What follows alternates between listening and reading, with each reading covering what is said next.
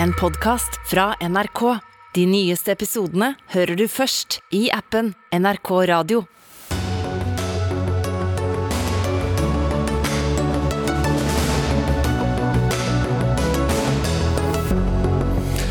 Landets øverste politiske leder måtte tilbringe dagen i Kristiansand for å diskutere en eventuell ny folkeavstemning om eh, kommunens fremtid. En avstemning som eh, bystyret i kommunen ikke ville ha, men som regjeringen likevel sa ja til. Mens arbeidslivet skriker etter folk, vil regjeringen forby innleie av arbeidskraft. Vi har en storrengjøring, sier arbeidsminister og LO. Nei, dere skitner til norsk arbeidsliv, svarer NHO-sjefen.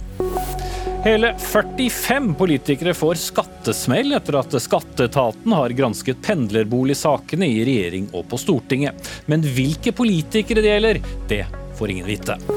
Og flere politikere er bekymret over hets og trakassering i strømdebatten. Stortingspolitiker møter administrator av Facebook-gruppe mot høye strømpriser, men med sterke meninger. Ja, og med det ønsker vi velkommen til en ny debattuke i Dagsnytt 18. Jeg heter Espen Aas, og i denne sendingen skal vi også snakke om den store mengden med ukrainere som hver dag, eller flere ganger i uka i hvert fall, står i kø på Fattighuset i Oslo. Men en utredning om konsekvensene av en oppsplitting, ja det var det som bl.a. kom ut av krisemøtet som statsminister Jonas Gahr Støre hadde i Kristiansand i dag. Bakteppet er, som de fleste vet, den politiske striden i Sørlandets største kommune om en folkeavstemning om oppsplitting, til tross for at nye Kristiansand kommune selv har sagt nei til dette. For to uker siden ga regjeringen likevel klar signal til en folkeavstemning, etter at grupperinger i de to tidligere kommunene Søgne og Sogndalen ønsket å bryte ut. Jan Oddvar Skisland, ordfører i Kristiansand fra Arbeiderpartiet. Dere har nettopp hatt pressekonferanse etter møte med statsministeren. Var det en utredning du trengte som en konsekvens av, av dagens krisemøter? Altså Det ligger jo i, i, selve bestemmelsen fra regjeringen at statsforvalteren skal foreta en utredning. og Det er klart det er viktig for oss å få den utredningen eh, gjennomført. Eh, vi håper jo at dette vil gi viktige signaler for hvordan vi kan håndtere ting videre. Men det var vel således heller ingen tvil om at det skulle komme en utredning, så det trengte kanskje ikke å være stort tema på møtet? Eh, nei, vi er jo absolutt klar over at den utredningen kommer. Men det som kanskje var litt viktig for oss, var jo å formidle at vi mener det vil være fornuftig å å få den utredningen eh, før en går videre med, med, hvordan dette skal håndteres med eventuell folkeavstemning eller ikke.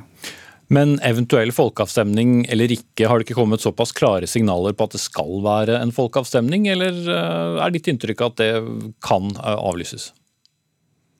Ja, Antagelig så kan jo det avlyses, for det er, juridisk sett så kan antagelig ikke regjeringen pålegge en kommune å gjennomføre en folkeavstemning. Eh, men de kan jo i tilfelle gjennomføre eh, skal vi si, opinionsmålinger på andre måter. Men eh, selve folkeavstemningen er det nok kommunen som må bestemme om den vil ha eller ikke. I den grad noen tvilte på det, Skisland, så har ikke du syntes at denne folkeavstemningen har vært noen god idé. Føler du at du har fått Eh, mer gehør for din mening eh, i dag enn eh, du hadde etter at du og flere andre toppolitikere fra Arbeiderpartiet på lokalt nivå gikk ut gjennom KS og, og ytret bekymring på fredag? Dette er jo en litt sammensatt sak. For det ene er jo selve prosessen om eventuell reversering eller oppsplitting av kommunene igjen.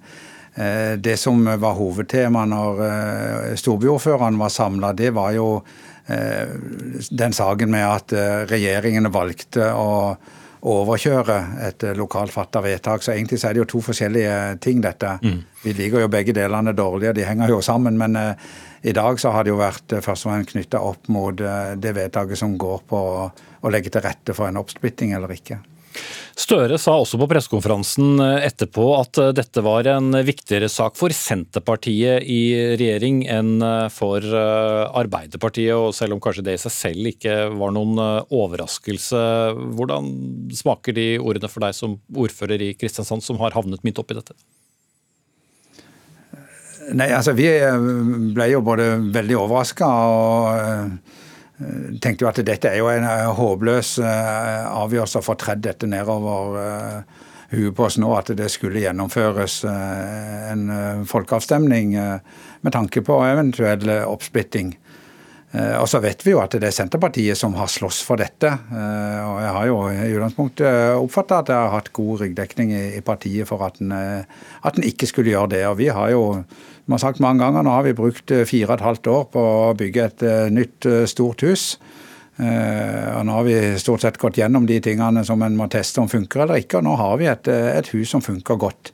Og Da mener jeg selvfølgelig at dette er meningsløs energibruk, og at det er mange aspekter omkring dette som, som jeg tenker er veldig dårlig forvaltning av ressurser, rett og slett. Mm. Men, men, eh, avslutningsvis, eh, Skisland, slik som uh, tingenes tilstand er nå, så er ikke du overbevist om at dagens Kristiansand kommune nødvendigvis kommer til å bestå, eller hvorvidt det skulle bli en folkeavstemning? Nei, det kan jo ikke være sikker på, men jeg håper virkelig at vi kan, kan, gå videre som den store, gode kommunen vi er, og som er jeg tenker er det beste for, eh, for alle parter. Så, så, dette kommer vi til å jobbe for videre. Da sier vi takk til deg, Jan Oddvar Skisland, ordfører i Kristiansand fra Arbeiderpartiet. Så får vi vel eh, legge til at det er nok ikke alle nødvendigvis da i eh, Sogndal og Søgne som ville vært helt enig i den siste konklusjonen der. Heidi Greni, nestleder i Stortingets kommunalkomité fra Senterpartiet. Sigbjørn Gjelsvik hadde et fly han skulle rekke hjem fra Kristiansand, så han kunne ikke komme hit. Han møtte jo da frustrerte innbyggere i Søgne i dag, som sa at de gjerne ville bli i nye Kristiansand kommune. Og så er det andre som ikke vil være det. Men trenger vi denne utredningen, syns du? Vi trenger iallfall i eh, folkeavstemning å høre hva innbyggerne i Søgne og Sogndal mener. Ja, det vet jeg dere mener, men trenger vi en utredning fra statsforvalteren i forkant? Og Det er klart det er godt for, eh, for dem som da skal ta det standpunktet, og ha en utredning med konsekvenser. Eh, vi må jo komme på at opptakten til hele det spørsmålet det er jo overkjøring av lokaldemokratiet, der kommunestyret i Søgne og Sogndalen ble totalt overkjørt av forrige regjering og tvangssammenslått med Kristiansand. Og det har vært sterke pressgrupper i begge de kommunene som hevder at tjenestene har blitt mye dårligere, og de vil gjøre det de kan for å få bli egen kommune. Mm. Men, men, apropos det med overkjøring, siden dere selv skriver da i Hurdalsplattformen at det skal være opp til kommunene å bestemme om de vil ha en ny folkeavstemning, så virker det som en overkjøring da fra regjeringens del over Kristiansand kommune når bystyret der har sagt nei til en ny folkeavstemning? For det står jo ikke spesifisert i Hurdalsplattformen at det skal være enkeltgrupper i sammenslåtte kommuner? Overkjøringa her skjedde jo når de to kommunene ble tvangsnedlagt. De har ikke lenger et kommunestyre som kan fatte det vedtaket. Etter ei overkjøring av forrige regjering, og skal vi klare å opp opprette den store overgrepet som ble gjort mot de lokaldemokratiet i Søgne og Sogndalen, så er vår eneste mulighet å spørre folket, fordi vi har ikke, dessverre ikke lenger et kommunestyre å spørre i de kommunene. Okay. Og det er jo sånn Når noen skal ut av et tvangsekteskap, så kan du jo ikke kan du jo ikke spørre den sterkeste part om en er enig for at noen skal komme seg ut av et tvangsekteskap. Og med det presset som har vært fra Søgne og Sogndalen, så mener innbyggerne fortjener å bli hørt.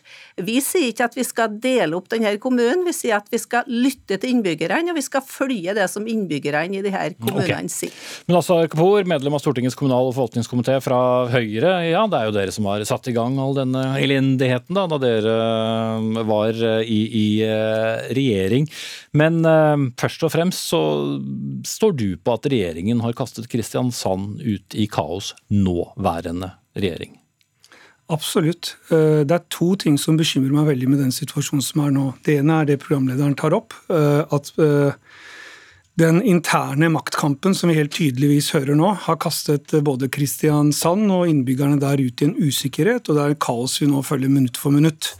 Vi har en statsminister som sier at han vil ha en innbyggerhøring. Vi har en kommunalminister som sier at han vil ha en folkeavstemning. Og Arbeiderpartiets leder innrømmer jo ganske tydelig at her har Senterpartiet overkjørt Arbeiderpartiet. Og, og jeg skulle ønske at nå eh, at, at, innbyggerne og ikke minst de ansatte heller kunne brukt tid og ressurser på å utvikle tjenester for innbyggerne, istedenfor at det nå må brukes massevis av ressurser på å ta ting tilbake igjen, splitte opp og bruke penger på årelange prosesser. Dette kommer til å bli tapte år for innbyggerne. Det bekymrer meg. Men er det ikke også fint å kunne gi en stemme til de som ikke fikk avgi en stemme da de tre kommunene ble tvangssammenslått, altså mot eh, ønsket fra de minste?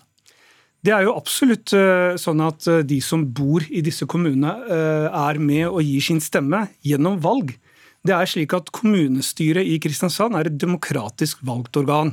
De fikk også muligheten av denne regjeringen. De fikk en invitasjon til å revurdere om de ville splitte opp kommunen sin eller ikke. De vedtok da at de ikke ønsket det. Men hvor mange fra Søgne og Sogndal er da representert i det samme bystyret? Jeg har ikke prosentandelen på det. Men det men kan det, hende at Kristiansand er litt overrepresentert? Jo da, men nå er det faktisk sånn at veldig mange stemmer, også i Søgne, som nettopp har blitt brukt som eksempel, har jo nå eh, tatt til orde for en ganske stille, stor majoritet har jo nå endelig kommet på banen og sagt at det er ikke sikkert det er sånn som eh, statsråd Gjelsvik mener at ting er.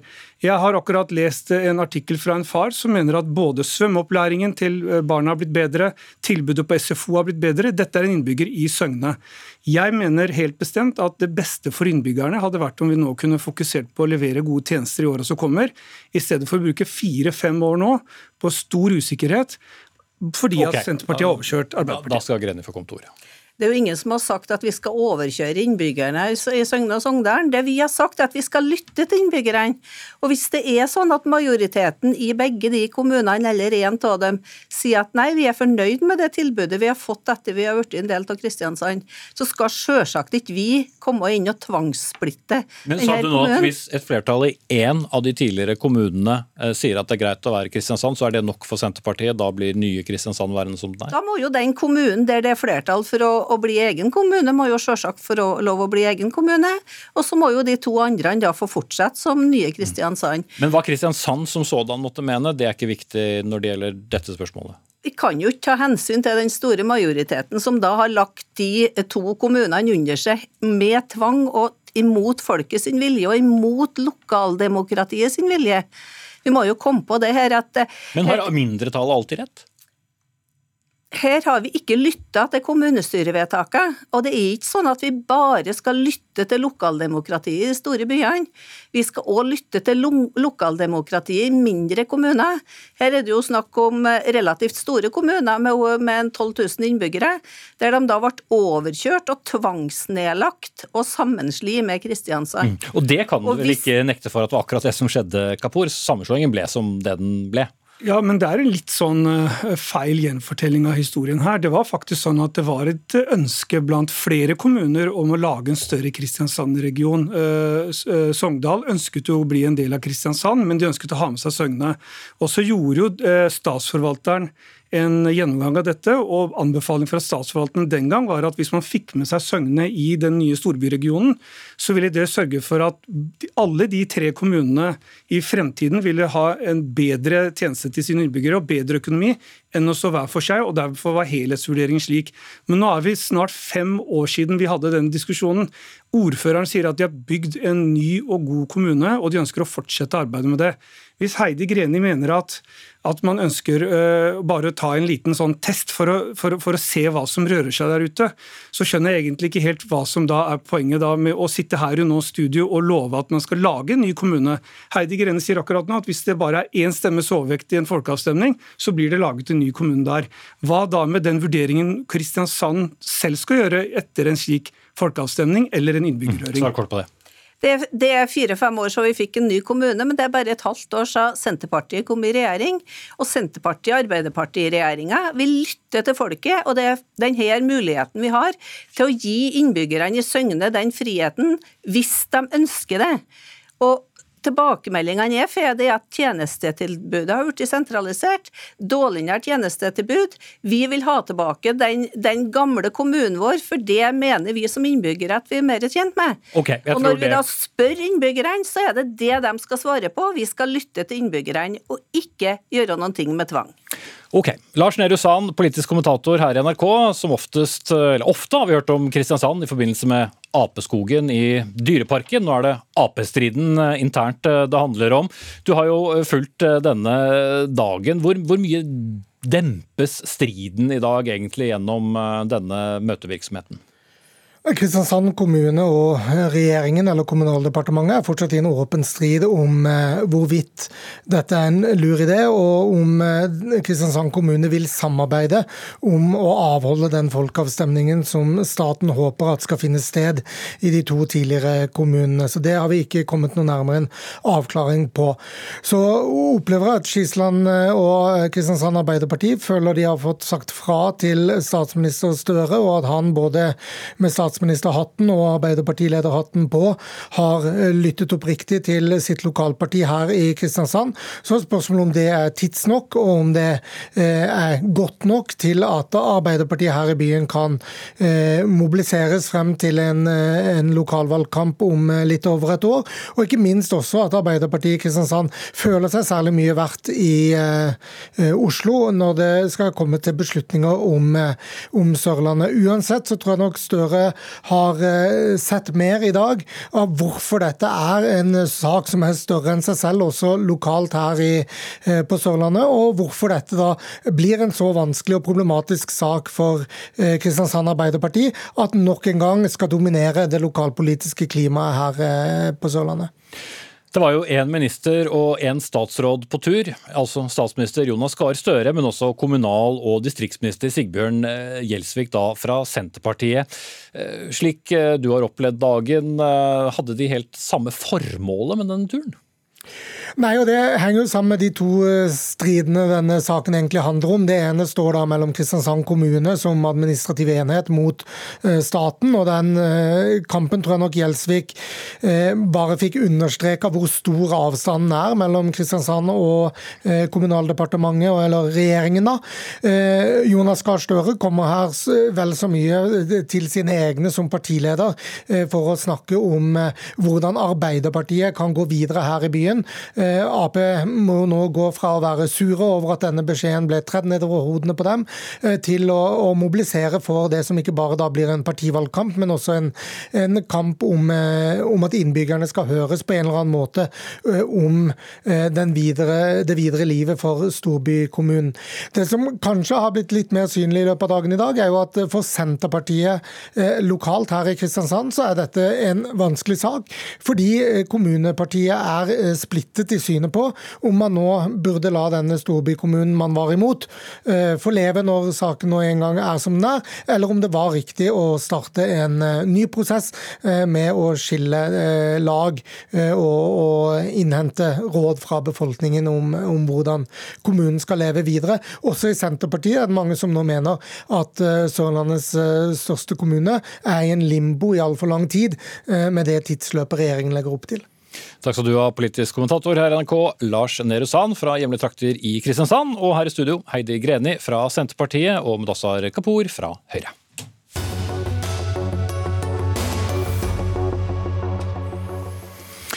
Skatteetaten varslet i dag skattesmell til 45 politikere som har hatt gratis pendlerbolig, men som da nå må betale mer skatt for ordningen de har benyttet. Dette gjelder både stortingspolitikere og 17 tidligere regjeringspolitikere, herunder også statssekretærer, fra perioden 2017 til 2020. Og dette skjer etter at eh, dere i Skatteetaten har gjennomgått bruken av pendlerboliger for politikerne Nina Skanke Funnmark, som er skattedirektør. Hva slags brudd på skattereglene er det snakk om? Aller først har jeg lyst til å si det at eh, generelt så har vi, vi har jo taushetsplikt på enkeltsaker, men i dette tilfellet så har statsministerens kontor og Stortingets administrasjon vært ute og informert om at vi har varslet om endring av arbeidsgiveravgiften, og derfor kan jeg kommentere det. Mm. Dermed svarte du på noe jeg ikke hadde spurt om, men ja. det er jo populært i denne sendingen. Men igjen, altså hva slags brudd på skattereglene er det snakk om? Eh, overordnet så er det sånn at eh, hvis du, hvis du har mottatt en fordel av din arbeidsgiver, fra din arbeidsgiver, så skal du skattlegges for det. Eh, og så kan du la være å betale skatt på en pendlerbolig dersom du har fradragsberettigede utgifter. Dvs. Si at dersom du har, er nødt til å ha to boliger eh, for å ivareta jobben din, så kan du slippe å betale skatt på den skattefrie pendlerboligen dersom du har utgifter på den opprinnelige boligen. Mm. Men er dette grove brudd på, på, skattereglene? At man ikke oppgir nok eh, opplysninger på, på, på fordeler som dette gjennom sitt virke? Dette er eh, varsler av, eh, på, på to, til to stykker som er, altså er, av stor samfunnsmessig betydning. Eh, og av den bakgrunn så mener jeg at det er alvorlige saker. Dette her handler vi om den lovgivende og utøvende myndigheten. Og reglene er like for alle. For oss er vi jo opptatt av at vi skal sikre likebehandling, og at like saker behandles likt. Eh, dette går jo da eh, kun tilbake til 2017 og til og med 2020. Men hvorfor ikke en, en større periode? Det er vel ikke grunn til å tro at uh, dette var noe som oppsto for bare fem år siden? Som sagt, Vi ønsker å behandle like saker likt. og Normalt så, så varsler skatteetaten endring fem år tilbake i tid. Det er kun hvis det er svært alvorlige tilfeller at vi kan gå lenger tilbake. Så vi har gjennomført varsel om endring her på lik linje som vi gjør med andre arbeidsgiverkontroller. Mm. Da sier jeg takk til deg, Nina Skakke Funnmark, eh, politisk redaktør i Aftenposten. Kjetil Alstaheim, eh, det er jo din avis som har avslørt mange av disse såkalte pendlerboligsakene. Ingen har stått frem i dag og sagt at eh, dette, dette, gjelder visst meg. Burde velgerne ha krav på å vite hvem som har vært involvert i disse sakene? Jeg tror nok eh, Jeg tror kanskje vi kan få eksempler på noen som står frem og forteller at de har eh, fått en, eh, en, et brev fra skatteetaten. Generelt vil jeg mene at åpenhet er med på å bygge tillit. Og så er reglene som de er. Du, skatteetaten kan ikke gå ut og dele den type personopplysninger. og og Det er jo noe av kjernen i det vi ser nå, at politikere skal behandles som andre. Når de bryter regler, så skal de også få den straffen som følger med det. Mm.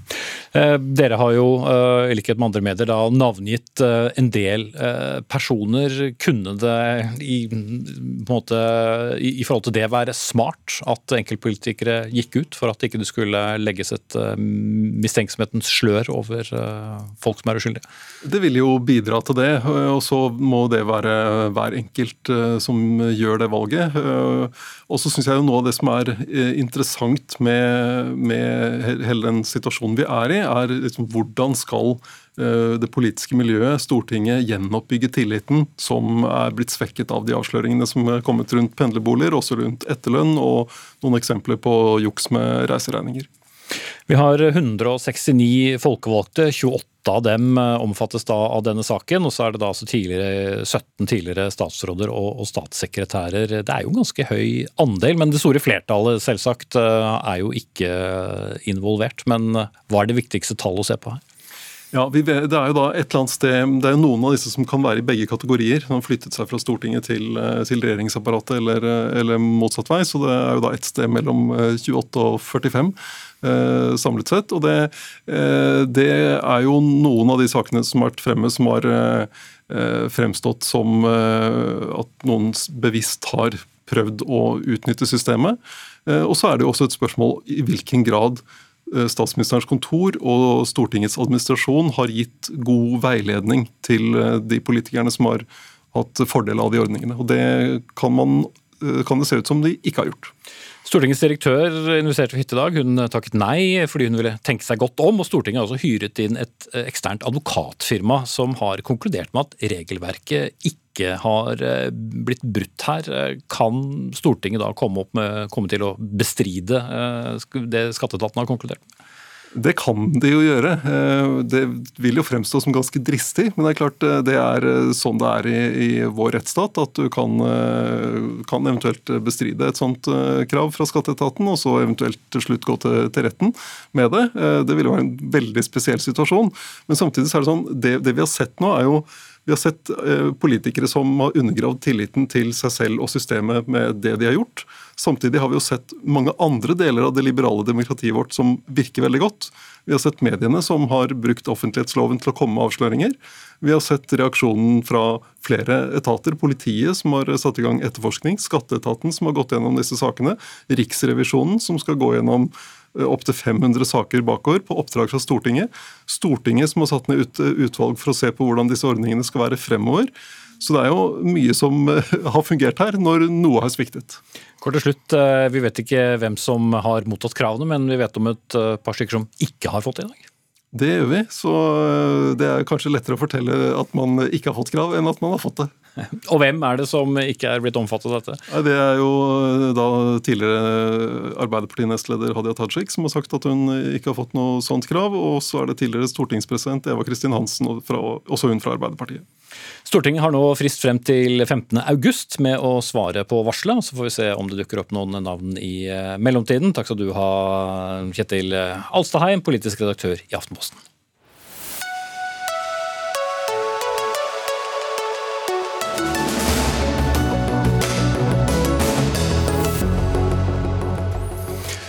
Næringsliv og regjering har kommet hit på kant med hverandre etter at sistnevnte før helgen varslet innstramming på bedriftenes mulighet til å leie inn arbeidskraft og tilby deltidsstillinger. Dette er en del av regjeringens varslede storrengjøring i arbeidslivet.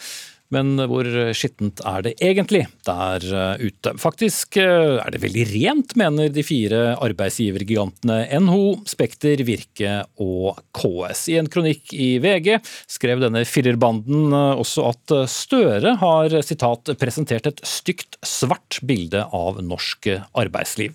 Den største arbeidsgiverorganisasjonen er med oss i studio, men først til deg, Marte Mjøs Persen, arbeids- og inkluderingsminister. Denne storrengjøringen endringen som dere har snakket om en lang stund, hva, handler det egentlig om? Det handler først og fremst eh, om at vi eh, nå strammer inn på mulighetene til å leie inn arbeidskraft. Det er dessverre en del bedrifter som bruker det som sin bemanningsstrategi istedenfor eh, å ansette folk i faste stillinger. Eh, og vi strammer inn på muligheten eh, til eh, å ha ansatte i deltid, dvs. Si at heltid skal være en norm. For det er riktig, som det blir sagt fra arbeidsgiversiden, at det er mye som er bra i norsk arbeidsliv, men det er òg mye som ikke er bra. Og bare de siste ukene vi, og de siste månedene så har vi sett mange eksempler på det. For så jobber 26% deltid i Norge. Innenfor hotell og servering. Så, Men de er ikke tvunget til det? så er det mange steder er det umulig å få seg en heltidsjobb. Innenfor hotell og overnatting er det f.eks. nesten 50 Innenfor eh, helse- og sosialsektoren så er det nesten 40% Det samme i varehandel.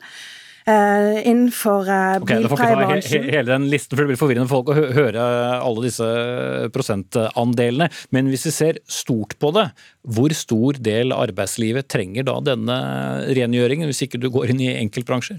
Det er jo det som er poenget her, at vi må gå inn i, i, i enkeltbransjer for også å se på dette. Eh, når det gjelder f.eks. innleie, så er det spesielt innenfor eh, bygg og anlegg, eh, og også geografisk spesielt innenfor det området som vi er i nå, i Oslofjordområdet, der dette er stort. Men også innenfor andre deler av arbeidslivet så ser vi at det er problemer med useriøsitet. Det er ikke lenge siden vi hadde en verftssak der eh, ansatte altså fikk 30 kroner eh, timen og hadde 70 timers arbeidsuke. Det er klart at vi trenger å rydde opp i disse forholdene. Ok. Ole Erik Almlid, administrerende direktør i eh, NHO. Er det et problem at en regjering vil rydde opp i de bransjene hvor det ikke er bra? Vi støtter jo naturligvis at man må rydde opp der det er gærent, men det vi har reagert på er at man da tegner et bilde av et helt arbeidsliv at det er behov for storrengjøring, og det er det ikke. Vi må huske på at vi har ni av ti fast ansatte i norsk arbeidsliv. Vi har verdens beste arbeidsliv. Og vi har behov for å snakke opp det arbeidslivet nå når vi skal få ungdom til å begynne å jobbe hos oss. Og når vi skal få ungdom inn i sommerjobber. Så jeg syns at det var veldig Det å skyte spurv med kanoner, og vi er veldig lei oss for at man da nærmest skitner til det arbeidslivet vi har, for å kunne bruke storrengjøring som et annet uttrykk. Når det er sagt, så skal jo vi være de første, og vi er jo det, til å være med på å ta det useriøse arbeidslivet, ta arbeidskriminaliteten bort, slik at vi har et godt arbeidsliv og som vi kan være stolt av i mange mange år framover. Men, men, hvis dere hadde gjort det, så hadde vel da heller ikke regjeringen sagt at eh, den måtte komme inn med å stramme inn på, på regelverket? Jo, det er jeg helt sikker på at regjeringen kan bekrefte. At vi har et godt samarbeid på det useriøse arbeidslivet. Det vi har reagert på, at man da tegner et bilde av et helt arbeidsliv som er helt feil. Jeg tror ikke folk kjenner seg igjen i det. Husk på også at Ni av ti av våre bedrifter og de ansatte beskriver at de har godt samarbeid ute på arbeidsplassen. Så jeg opplever at det, at det er et, noen betegnelse av et arbeidsliv som ikke folk kjenner seg igjen, og det måtte vi si ifra på. Vi har reagert sterkt på det. Er storrengjøring eh, rett uh, ord? Hvis folk er veldig glad i billedbruk, så kan dere lese en rekke saker i VG om temaet. Altså, dette handler jo om at vi ønsker å eh, snu om på styrkeforholdene i arbeidslivet. At vi gir arbeidstakere flere rettigheter. Jo, jeg skjønner det, men eh, ordbruken når man snakker om en stor rengjøring, så tyder vel det på at det er ganske mye som trenger å gjøres rent, men så sier ja. da NHO at nei, det er det ikke. Ja, og det vil jo jeg mene, da. Eh, at det er ganske mye som trengs å gjøres. F.eks. innenfor bemanningsbransjen. Så er det jo sånn at når flere bedrifter bruker innleie som strategi, så gir det jo også dårligere konkurranse konkurransevilkår for de som eh, bruker hele faste ansatte. Så det er en av grunnene til at vi gjør det. Vi gjør det også fordi vi ønsker oss et eh, arbeidsliv der vi styrker det organiserte. Det er jo fordi at tillitsvalgte, organiserte bedrifter er på en måte bunnplanken. Ikke mot, bare mot ulovligheter, men mot at vi har et seriøst arbeidsliv. Det gir oss eh, et mer produktivt samfunn, og ikke minst så ser vi at bedrifter som har faste ansatte, de, de investerer også mer enn ansatte sin kompetanse. Noe som igjen, mener jeg da, vil være veldig viktig for at flere flere enn unge eh, vil eh, begynne å jobbe i de yrkene der vi ser at vi Går dette eh, ut over de medlemmene dine som da ikke har noe problematikk, at regjeringen velger å gå etter de som har problemer? Ja, det som, For det første så er storrengjøring egentlig skittet til en debatt som vi ikke bør gjøre. Det, vi bør stå samla, vi som er her, om at vi har et godt arbeidsliv, og verdens beste arbeidsliv, og det må vi fortelle ungdommene våre. Så skal vi ta de problemene vi har. Men det du beskriver, statsråd, som eh, bakteppet for endringene i innleie, er jo feil. Vi må huske på at de som er, de som er tilknyttet bemanningsbransjen, er jo fast ansatt. Det som kommer til å skje nå, spesielt i det området vi er nå, i Oslo, Viken og i Vestfold, hvor man forbyr dette, så vil man altså presse folk ut av bemanningsbransjen og ut i usikkerhet. Det blir mindre forutsigbarhet. Mange av de da vil måtte bli midlertidig ansatt. Du kan risikere at den faktisk da mister muligheten til å ha en fast tilknytning. Så jeg sier som Regelrådet, Næringsdepartementets eget regelråd, som har sagt at dette er for dårlig utreda. Og Det blir også da symbolpolitikk som skader muligheten å skape arbeidsplasser, skape verdiskaping i Norge. Så jeg syns at det er storrengjøring burde dere slutta å bruke som uttrykk. Jeg hadde ønska at du hadde sagt det nå. Så skal vi samarbeide om å sikre at vi tar ut det useriøse arbeidslivet. For det er vi veldig enig i at vi skal gjøre. og Vi ønsker samarbeid om det. og Det vet jeg også at statsråden ønsker at vi skal samarbeide om. Mens NHO vil børste litt i krukkene, så, så holder dere altså på, på, på storrengjøring. Men i en tid hvor det er så knapphet på arbeidskraft, er dette tidspunktet? Eh, jeg mener at det er ikke noe bedre tidspunkt enn akkurat nå. Nettopp eh, derfor. Fordi at vi har altså en historisk mulighet nå til å inkludere enda flere i arbeidslivet av alle de 200 000 som står utenfor eh, arbeidslivet. Og det blir altså ikke flere mennesker til å gjøre arbeidet om de blir leid inn eller om de får en fast ansettelse. Og det å være fast ansatt er åpenbart bedre enn å være midlertidig, men det å, ha en direkte ansettelse er også bedre enn å være innleid. Ok, Jeg skal bringe den tredje debattant representant eh, Roger Bjørnstad, sjeføkonom i LO. Du sa til Dagens Næringsliv for ikke så lenge siden at eh, det er næringslivet langt på vei selv som kan takke seg selv for at Det var dårlig formulert. Næringslivet kan langt på vei takke seg selv for at eh, vi har mangel på arbeidskraft. Hva, hva la du i det? Nei, Det handler jo om dette her å gjøre norsk arbeidsliv Eh, attraktivt og eh, faktisk investere i de ansattes kompetanse. Og i takt med eh, økt bemanning, økt innleie, økt adgang til midlertidige ansettelser, så har sysselsettingen i Norge gått ned. Det har vært problemer med å få lærlingplasser. Vi har stor drop-out, særlig fra videregående skole, og statusen til en del yrkesfagslinjer har faktisk falt. Så det handler jo om å investere i de ansatte og være et attraktivt arbeidsliv. Mm. Almid, har dere forårsaket dette selv? Nei, jeg, jeg, men jeg er jo helt enig. ikke sant? Jeg opplever at eh, både LO og Arbeiderpartiet i denne saken ønsker å tegne et bilde av noe som ikke er riktig. Vi ønsker å jobbe sammen om det. Vi må huske på at Den største ressursen bedriftene har, er jo ansatte. Man vil jo ta vare på ansatte, vil man sikre nye ansatte. I dag så har vi flere, flere jobber enn vi har arbeidsledige. ikke sant? Det betegner jo en situasjon hvor vi trenger å få flere inn i jobbene våre for å få gjort det vi trenger. Og Da er det å stenge muligheten for å få folk inn, bl.a. med den innleiereguleringen vi får nå, det er det samme som å si at da får vi enda færre inn i de jobbene vi trenger for å få gjort det vi skal gjøre. Og det syns jeg LO og regjeringen og NHO skulle ha sett seg sammen om å få gjort, istedenfor å lage polariserte debatter som jeg mener egentlig å skyte over mål. Polariserer dere, Bjørstad? Nei, vi gjør ikke det. Vi har sett fallende sysselsetting. og det er klart at Dette er jo mye av de uorganiserte bransjene som har opplevd de største problemene. Men jeg vil jo utfordre NHO også, hvor de motarbeider f.eks. allmenngjøringen av restaurantbransjen. De har tatt norske staten til Høyesterett og så til ESA for å hindre allmenngjøring av reisekost, losji f.eks. Og de har, har, har Som ville kostet det mer? Ja, og, har, og det har gått mot uh, innstramminger i bemanningsbransjen og adgangen til midlertidige ansettelser. Så det er en rekke ting ting NHO også har vært med på i, i, under dekke av å ha eh, fleksibilitet og, å ha eh, tilgang på, på si, billig arbeidskraft, men som har fått som konsekvens at norsk ungdom, de med størst vanskeligheter på arbeidsmarkedet, ikke har fått plass. Og vi har sett at uføreratene har gått opp, flere på arbeidsavklaringspenger.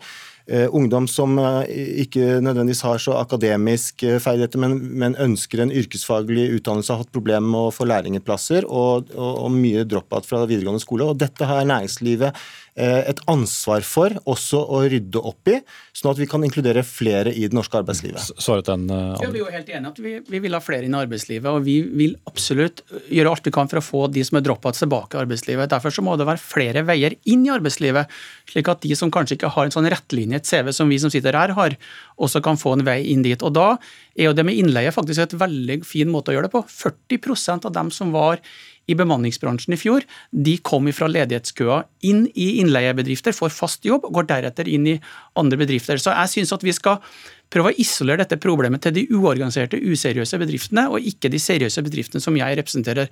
Det hadde vært en veldig fin slutt på denne vårsesongen, at vi hadde sagt la oss stå sammen om det. og Det er jeg helt sikker på at Erlend og Arbeiderpartiet egentlig ønsker, men nå har vi laga en debatt som jeg mener er fiktiv, og som ikke man kjenner seg igjen i i arbeidslivet som jeg representerer. Vi liker jo gjerne at eh, debatter eh, ender med litt enighet i Dagsnytt 18, uansett hva dere måtte tro der hjemme. Men eh, Mjøs Persen, er dere så langt unna hverandre som man kan få inntrykk av gjennom i hvert fall den ordbruken og billedbruken og vask i særlig VG? Nei, vi er jo ikke det. Fordi at alle partene i norsk arbeidsliv, og nå sitter vi her representert hele trepartssamarbeidet, er jo enige om at vi ønsker oss et organisert, seriøst arbeidsliv i Norge som har høy produktivitet, gode konkurransevilkår og, og som sysselsetter eh, mange. Eh, og Vi mener jo da at disse forslagene som vi har fremmet, skal være med på å styrke nettopp den norske modellen og gjøre arbeidslivet godt. Og så har jeg lyst til å minne helt til slutt at 36,5% kvinnene som jobber deltid i Norge, de utgjør altså ikke en liten arbeidskraftsreserve, men er faktisk en ganske stor arbeidskraftsreserve. Og jeg mener at det er på tide nå at vi tar i bruk alle de gode kreftene.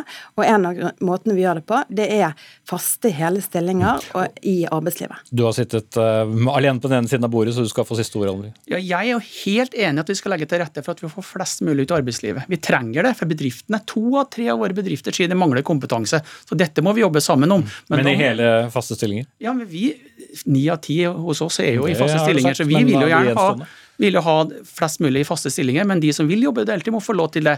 Når det er sagt, så må trepartssamarbeidet fungere godt.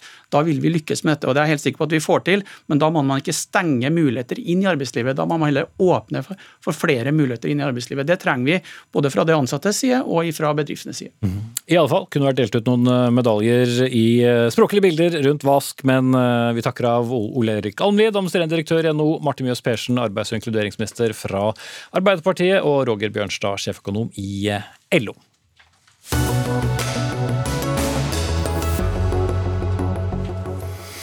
Klokken er 18.38 eh, mot slutten av Dagsnytt 18. Hets og konspirasjonsteorier preger strømdebatten. Vi debatterer spenningen der mot slutten av eh, sendingen. Historien om eh, ukrainere som står i matkø på Fattighuset i Oslo, har vakt eh, oppsikt. For hver onsdag og fredag klokken 11 er det matutdeling der. Siden februar har køen doblet seg. Hovedårsaken til den sterke økningen er altså ukrainske flyktninger. Flere hundre møter opp daglig for å få utdelt matrasjoner, og pga. den voldsomme pågangen må mange avvises, har Klassekampen skrevet, og mange så sikkert også reportasjen i Søndagsrevyen i går. Desiree Sander, du er sekretær og økonomiansvarlig på, på Fattighuset. Hva skjer når eh, man opplever en dobling i antall mennesker som står i matkø nærmest over natten? Jo, hei, takk for at jeg fikk komme. Eh, det er eh, utrolig vanskelig for oss. fordi F.eks. For som forrige onsdag så måtte vi sende hjem 250 mennesker. Familier som ikke kunne ha med seg matpose hjem. Og de er allerede i en vanskelig situasjon og ikke kunne ha med seg en matbit hjem. Det er, det er ille. På fredagen så var det 70 mennesker av 630 som fikk med seg én pakke med, med, egg, av 36 egg. De var sjeleglad for det, men det var det de fikk med seg. Mm. Bare for å ha stilt det spørsmålet, for eh, de aller, aller fleste har aldri, heldigvis, stått i, i en matkø. Men i utgangspunktet, steller du deg i den køen, så kan du stå der eh, som alle andre. Du trenger ikke å måtte vise at du er fattig. Nei, jeg har stått der selv. Jeg sto der for fire år siden og, har, eh, og begynte da som, eh, som eh, frivillig på, på Fattighuset. Har jobba meg, meg, oppover i den foreningen. Men eh, du kan stå der, og du kan, du kan være en advokat. Og dette snakker jeg av erfaring av de jeg har snakka med. Du kan være en, en jurist, du kan, være, du kan, ha et eget selskap, enkeltmannsforetak, og stå i den køen. Kan, det kan være mange skjebner. Mm. De ukrainske flyktningene som står der nå, hva sier de om årsaken til at de står der for å få en pose mat? Fordi ikke regjeringen hjelper dem godt nok. Det, er, det var De historiene vi har hørt, da, de samkjører alle sammen, er at de Eh, det er noen måneder siden de fikk 100 kroner eh, per, per, dag for å kunne overleve. Det var ikke alle som hadde fått det. Og det er et par uker siden hvor de fikk mellom 3000 og 11 000 eh, per familie. Engangsutbetaling fra Nav. Mer enn det vet vi ikke. Heidi Greni, tilbake i studio, stadig stortingsrepresentant fra Senterpartiet og nestleder i kommunal- og forvaltningskomiteen. Du stiller da i, regjeringens fravær. Vi spurte Kommunaldepartementet, Arbeids- og inkluderingsdepartementet og Justisdepartementet om å stille her. Men hva er din reaksjon på historien til Desiree Sander, og som Klassekampen NRK også har fortalt? Nei, For det første så er jeg jo litt i tvil om hvilken type ukrainske flyktninger det her er. Er det dem som bor i mottak? Er det dem som er bosatt i en kommune? For vi vet jo at det er et nøkternt nivå på, på matpenger når du er i mottak. Det er det ingen tvil om. Eh, men eh, hvis du er i mottak, så enten så får du penger til selvhusholdning, eller så får du da penger, eh, får du da fire måltid om dagen hvis du er i et mottak. Så, så du stusser rett og slett over at det er ukrainere i det? Og er du, er du bosatt, så får du da 2G, altså 15 000 i måneden den vanlige introduksjonsstønaden. Så, så utgangspunktet burde det ikke stått vært ukrainske flyktninger i den køen? Nivået er veldig nøkternt, det er vi helt enige om. Men med den tida før du blir bosatt i en kommune, vil vi jo gjøre så kort som mulig. Så det skal være en veldig kort, eh, kort periode. Så vet vi jo at nivået på på den stønaden har jo vært den samme eh, over lang tid. Eh, fra frem til 2015 så var det et høyere nivå på det da daværende regjering med, med KrF som støtteparti reduserte jo den støtten med 20% ca. i 2015-2016. Etter det så har den vært prisjustert. Så det er akkurat samme nivået på den stønaden som det har vært siden i 2016. Mm. Dag Inge Ulstein, stortingsrepresentant fra Kristelig Folkeparti. Du har sagt at eh, regjeringen må, må handle her. Men eh, er ikke du også overrasket over at eh, vi plutselig får en eh, stor flyktninggruppe inn i, inn i matkø? Ja, men Vi får den innsikten da, som vi hører fra Desiree, at det er altså 250 som ikke får med seg mat. Og vi vet alle, det er ikke et nøkternt nivå. Altså Det er snakk om under 70 kroner dagen. Så da kan du jo velge hvilke måltid er det de ikke skal ha. Og det er faktisk situasjonen, det er tilfellet. Og da, det, det, er ikke mulig å sammenligne det. Nå har vi den innsikten og den kunnskapen. Da må vi faktisk handle på det. Her har de altså kommet som flyktninger pga. krig og sult, og så tvinger vi dem på gata for å tvinge. Det er helt uhørt. Og jeg mener Helt uavhengig av hvem vi er, så, så, må vi bare finne ut av det og løse det. Ja, men hvordan, hvordan løser man det? Hva, hva er et godt nok nivå? Dette er bare et symptom som vi har sett på regjeringa på mange områder med at det har vært mye ord, men utrolig lite handling. Det burde sette ned krisestab og faktisk fra uke til uke og hatt kontakt med frivilligheten. Og det her er jo bare, som jeg sa, et symptom på, på veldig mange som, innsikter som vi får fra kommuner som har stått klar. For det her handler jo om at de skulle ikke stått i en sånn midlertidighet. Det var bare noen dager de skulle stå i den køen hvis det var det som var nødvendig. For kommunen er klar å, å, å, bosette, de har ansatt frivillighetskoordinatorer. Frivilligheten står der eh, klar, men det er rett og slett et ansvar som det offentlige og som regjeringa ikke har tatt. Og nå må er det, det skje. Altså. En historiefortelling du vil bekrefte, Greni? Eh, vi har jo nå bosatt 9000 eh, flyktninger hittil i år, og det er, det er 5100 eh, som nå er på vei ut, så det er faktisk bare 534 tror jeg, som nå venter på en avklaring fra den kommunen de skal til. Så bosettinga har jo gått utrolig raskt, f.eks. sammenlignet med 2015. Men betyr det at de har nok penger til mat? Vi har jo heldigvis ledd nå til den krisa, så vårt førsteprioritet er jo at de skal være kortest mulig mottak og komme seg ut. Jo, jo, det skjønner jeg, men det vi diskuterer her er jo hvorvidt de har penger nok til å det få i seg de målene måltidene de trenger? I et ordinært mottak så er det 90 kroner dagen for en enslig person, og det er veldig nøkternt. Det, det, er vi helt enige om. Men i en overgangsperiode så er det Og det er som sagt akkurat samme nivået som det var når Ulstein satt i regjering, og jeg så ikke noe initiativ til å øke det. Tvert imot så ble det redusert med 20% i 2016. Ulstein. Det er helt håpløst å sitte eh, sånn som vi hører nå. Situasjonen er den altså at det er mange som ikke har mat til å overleve når de har kommet hit som flyktninger fra en krig. Det er det vi må løse. Og det er det jeg skulle ønske at regjeringa skjønte. Altså Vi får meldinger fra frivillige organisasjoner, fra kommuner som har stått klar helt fra dag én. Ansatte folk til å jobbe med det her, fikk private til å forhåndsgodkjenne boliger. Og så er det faktisk ikke godt nok. Hvor mange dager er det siden krigen eh, brøt ut? Og så roser han seg over at han har bosatt så enormt mange. Altså Det gikk 60 dager før En kom ikke opp over 10% av de som har kommet hit. De sto i midlertidighet og hadde altså ikke fått de 70 kronene engang til å skaffe seg mat. Så vi sender dem på gata for å tigge etter mat etter at de blitt tvunget på frukt eh, fra krig. Det er ikke godt nok. Hvis da disse eh, innslagene, eller antallet, fortsetter å stå i uh, matkø flere ganger i uken, så kjemper de jo om den samme maten som det andre trengende gjør. For det er ikke sånn at eh, dere plutselig får mer mat ved, ved Fattighuset. Kan vi se for oss noen løsning her, Greni? Nå leser jeg den artikkelen i Klassekampen, og der var det litt forskjellige grunner til at de sto i matkø. Men de sto der, da? Eh, noen sto der fordi at de ikke ble mett, og det er selvsagt noe vi er nødt til å ta på alvor, og noe vi er nødt til å ivareta. Og som sagt, i de fleste mottak så er det jo da fire måltid om dagen, hvorav ett varmt måltid de får når de er i et mottak, hvis det ikke er selvhusholdning. Noen eh, antyda at det var veldig mye brødmat i Norge, og de ønska en annen type mat. Nå er vi jo en sånn brødnasjon, ikke sant? Så det er mange forskjellige, men den utfordringa, dem som da ikke blir mett, hvis det er noen som ikke blir mett, så er det en utfordring vi må, vi må ta på alvor. Men, Men hoved, hovedmålet må være at de skal være kortest mulig i mottak, at de blir bosatt i en kommune. Og da for introduksjonsstønaden, og da er det snakk om 15 000 i måneden.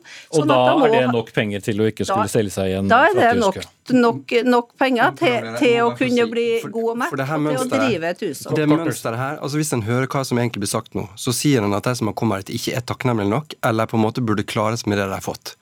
Jeg har lyst til å spørre deputanten debattanten mot deg, Har du snakket, har du møtt noen av de ukrainske flyktningene? Ja, jeg har møtt mange. Som ikke har mat, og som, som faktisk måtte gå da med tre til seks egg. Det var det de faktisk fikk. Jeg spør de som møter deg eh, flere ganger i uka, da, hvordan situasjonen er. Det er ikke fordi at det er for mye brødmat. De har rett og slett ikke mat, de har ikke penger. Tenk alt du må, du må skaffe deg når du har mista alt i krig. De må gå i én kø klokka halv fem, åpner dere. Så står det kanskje i den køen til klokka er halv tolv. Da har de fått nok mat for den dagen og kanskje neste dag. Så må de i en annen kø for å få seg klær. Det er situasjonen for veldig mange. Og Sånn var situasjonen de første 40, 50, 60, 70, 80, 90, 140 dagene av den krigen her.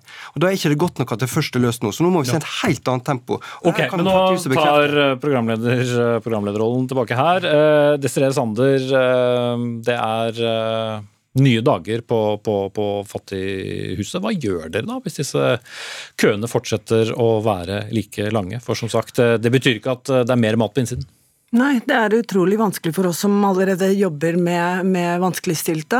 Eh, eh, vi har allerede et problem eh, innad i Norge, hvor er, vi er en av de verdens rikeste land og har et fattigdomsproblem som ikke, vil, som ikke stortingsrepresentanter vil innse. Og nå, nå, nå belastes vi med enda mer som dette med, med flyktninger og sånt. Det, det, det, vi klarer ikke mer. Det, det er, eh, og for oss eh, i forhold til psykisk også, når vi må si takke nei eller si nei til 250 personer som må gå hjem med mat, så sto vi med tårer i øynene, og det er veldig vanskelig for oss også. Mm. Du ba om ordet, men det ble veldig kort, Greni. Få lov å si tusen takk for den jobben Fattighuset gjør, og så må jeg utfordre Ulstein. Altså, eh, eh, nå er det akkurat samme nivået som det var når Ulstein satt, ja, Den satt trenger du ikke ta en gang til. Har dere, den har du sagt mange ganger nå. Har dere tenkt å ta Nei, har dere tenkt å gjøre noen endringer i politikken? Hadde vi fått vite at det var økt med 70% på Fattighuset siden februar så hadde vi selvfølgelig handla på det. Og jeg var virkelig, og mange av våre i, i KrF var i frontlinja for å engasjere oss med den flyktningsituasjonen var der. Så det er ikke riktig å bruke det nå. Nå er det en situasjon som gjør at regjeringa må handle. Den har vært bakpå. Nå okay. trenger vi lederskap. Nå trenger vi at det kommer en løsning, slik at ikke frivilligheten skal bære det ansvaret alene. Nei, må jeg sette strek for uh, denne debatten. Heidi Greni, stortingsrepresentant fra Senterpartiet. Dag Inge Ulstein, eh, stortingsrepresentant fra Kristelig Folkeparti. Og Desiree Sander, sekretær og økonomiansvarlig ved Fattighuset i Oslo.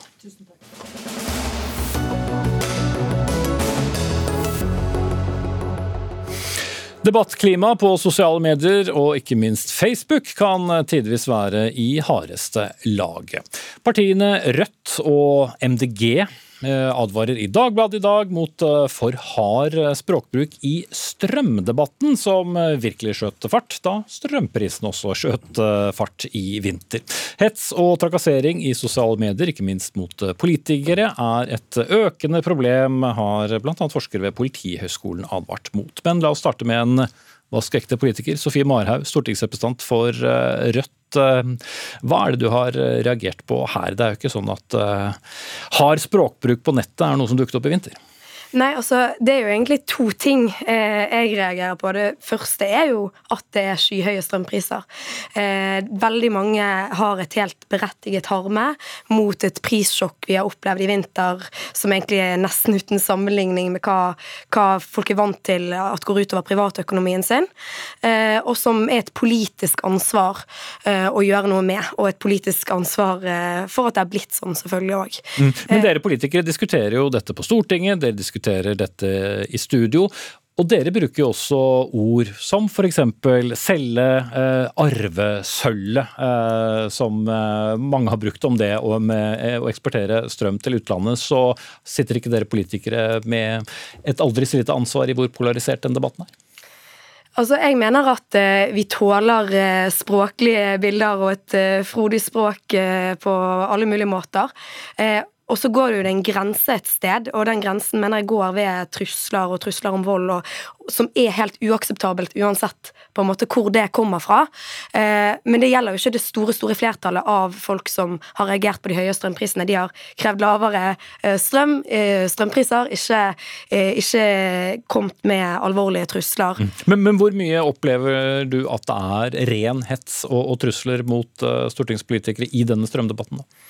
Jeg opplever ikke noe særlig Jeg opplever ingenting sjøl, eh, det kan jeg jo bare si med en gang. Eh, det det jeg har fått mest kritikk for i sin tid, var å kritisere 17. mai-komiteen i Bergen.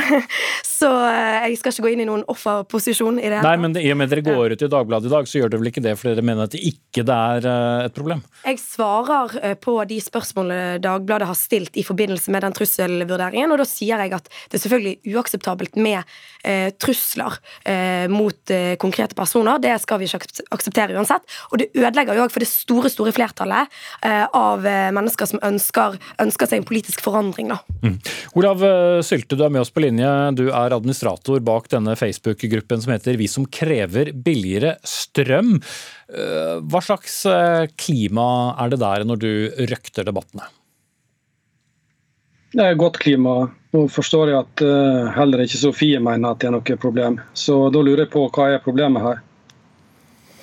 Skal se, nå må bare de som sitter i studio uh, få på seg hodetelefonene. Så, så, du mener at i selve uh, strømdebatten så er det en nøktern og, og god og saklig språkbruk?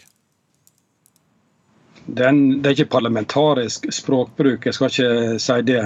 Men det er en helt vanlig språkbruk som gjenspeiler at det er over 600 000 som er på den gruppa og har registrert seg som medlemmer.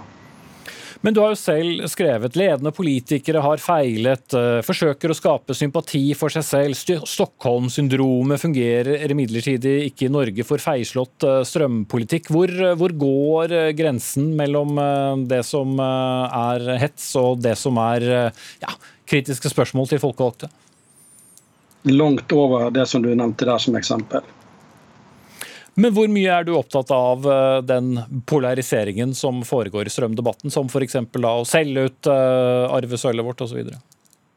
Ja, det er jo Rødt som på en måte har vært eh, fremfører av arvesølvet som begrep. og Jeg tenker at det er helt unødvendig polarisering fra Rødt. Det er misforstått og villedende og egnet til å kan vi si, få de som ikke forstår så godt, til å bruke unødvendige ord på nettet. Hvor ofte fjerner du innlegg i gruppen? Det er jo mange som gjør det, og det skjer daglig. Det skjer hver time. Eh, det skulle bare mangle. Det er jo en gruppe med over 600 000. Det er veldig mange innlegg og kommentarer. og Det blir jo fjerna kommentarer. Det er ikke sensur, men det er moderering av språkbruken, slik at det ikke utvikler seg. Av og til, unntaksvis, så kan det være noe som eh, er langt over grensa. Eh, det tas umiddelbart. Det er jo bare innrapporteringsfunksjoner og moderatorer som følger med. Mm. Ja, Til det med arvesølvet som jeg fikk med meg her, da, så vil jeg jo understreke det at det er jo en metafor for våre felles naturressurser, vannkraften, eh, som eh, vi mener blir solgt eh, til høystbydende på den europeiske strømbørsen. Og Det mener jeg at politikere, det er en metafor politikere må kunne bruke uten at det skal slås i hardkorn med alvorlige trusler, uakseptabel sjikanerende språkbruk. For det, det er det med respekt å melde ikke. Mm. Vi har en tredje person her, Tore Bjørgo, professor ved Universitetet i Oslo og leder for Senter for ekstremismeforskning. Eh, det er jo noen debatter som eh, får mer temperatur eh, enn andre. Klimadebatter, flyktningdebatter, rasismedebatter osv. Men i år har det også vært mye strømdebatten vi snakker om. Hva, hva ser vi som skjer? Ja, dette skifter jo veldig, avhengig av hva som er oppe. Eh, og vi kan si at dette handler jo det, det, aller meste av dette her er jo godt innafor det vi skal, vi skal, ha i et demokrati. Det meste er ganske saklig, og så er det noe som er usaklig, men fortsatt lovlig. Det kan være ganske, folk kan si ganske stygge ting før det blir ulovlig, men det vi ser er også at det er en del som går over grensa med å framsette eh, påstander som er direkte eller indirekte truende av typen sånn landssvikere, den type ting, som har noen assosiasjoner i, den, i retning av et slags landssviksoppgjør, eller at eh, du skal skytes eller han skal skytes, eller den type ting. Og Vi har sett over tid at dette har øka på. Eh, vi har gjort undersøkelser med politikere og stortingsrepresentanter fra 2013, 2017 og 2021, og da har vi sett at i 2013 så var det ca. en tredjedel som hadde opplevd drapstrusler mot seg og sine, sin familie, direkte hærverk eller forsøk på overfall. Og nå i eh, forrige vinter så var det nesten halvparten. Av, av, våre toppolitikere. Og blant disse så, så vi også en øka tendens til at flere og flere, altså opp mot 20, nærmere 20% som, som valgte å avstå for, fra å involvere seg eller uttale seg om kontroversielle temaer fordi de frykta konsekvensene. Det er også en betydelig andel som vurderer å trekke seg ut av politikken pga. Av, av den belastning det er. Og Vi har også gjort slike undersøkelser eh, blant lokalpolitikere. Der er det færre som opplever slike ting, men konsekvensene for disse er enda større, fordi at de er antagelig ikke profesjonelle politikere på samme måte. De er ikke beskytta av PST eller, eller et eh, andre, og trusselen oppleves kanskje for å være enda nærmere nærmere. Mm. Hvor uh, mye har du opplevd uh, av den slags i din tid uh, som administrator, Sylte? Altså, det er et gjengangende problem at det blir sagt, sagt uttrykt landsforræderi, landssvikere osv. Jeg tenker at nær sammenheng mellom Rødt sin fremføring, så er villedende, tenker om at arvesølvet blir solgt, at makta må tas tilbake, politikerne må ta tilbake makta. Politikerne sitter med makta, det er politikerne som bestemmer det her. Pengene kommer til den norske stat, er det norske land, så her er ikke noe arvesølv som blir solgt. Det som er Problemet er at han importerer da priser for forbrukerne. Det er et helt annet problem. Ok, Jeg må dessverre bryte deg der, for jeg ser at uh, tiden, uh, tiden uh, løper fra oss. Olav Sylte, administrator i denne Facebook-gruppen. Takk også til Tore Bjørgo og Sofie Marhaug. Guro Arneberg hadde ansvaret for denne sendingen. Hellig Svensson det tekniske. Jeg heter Espen Aas.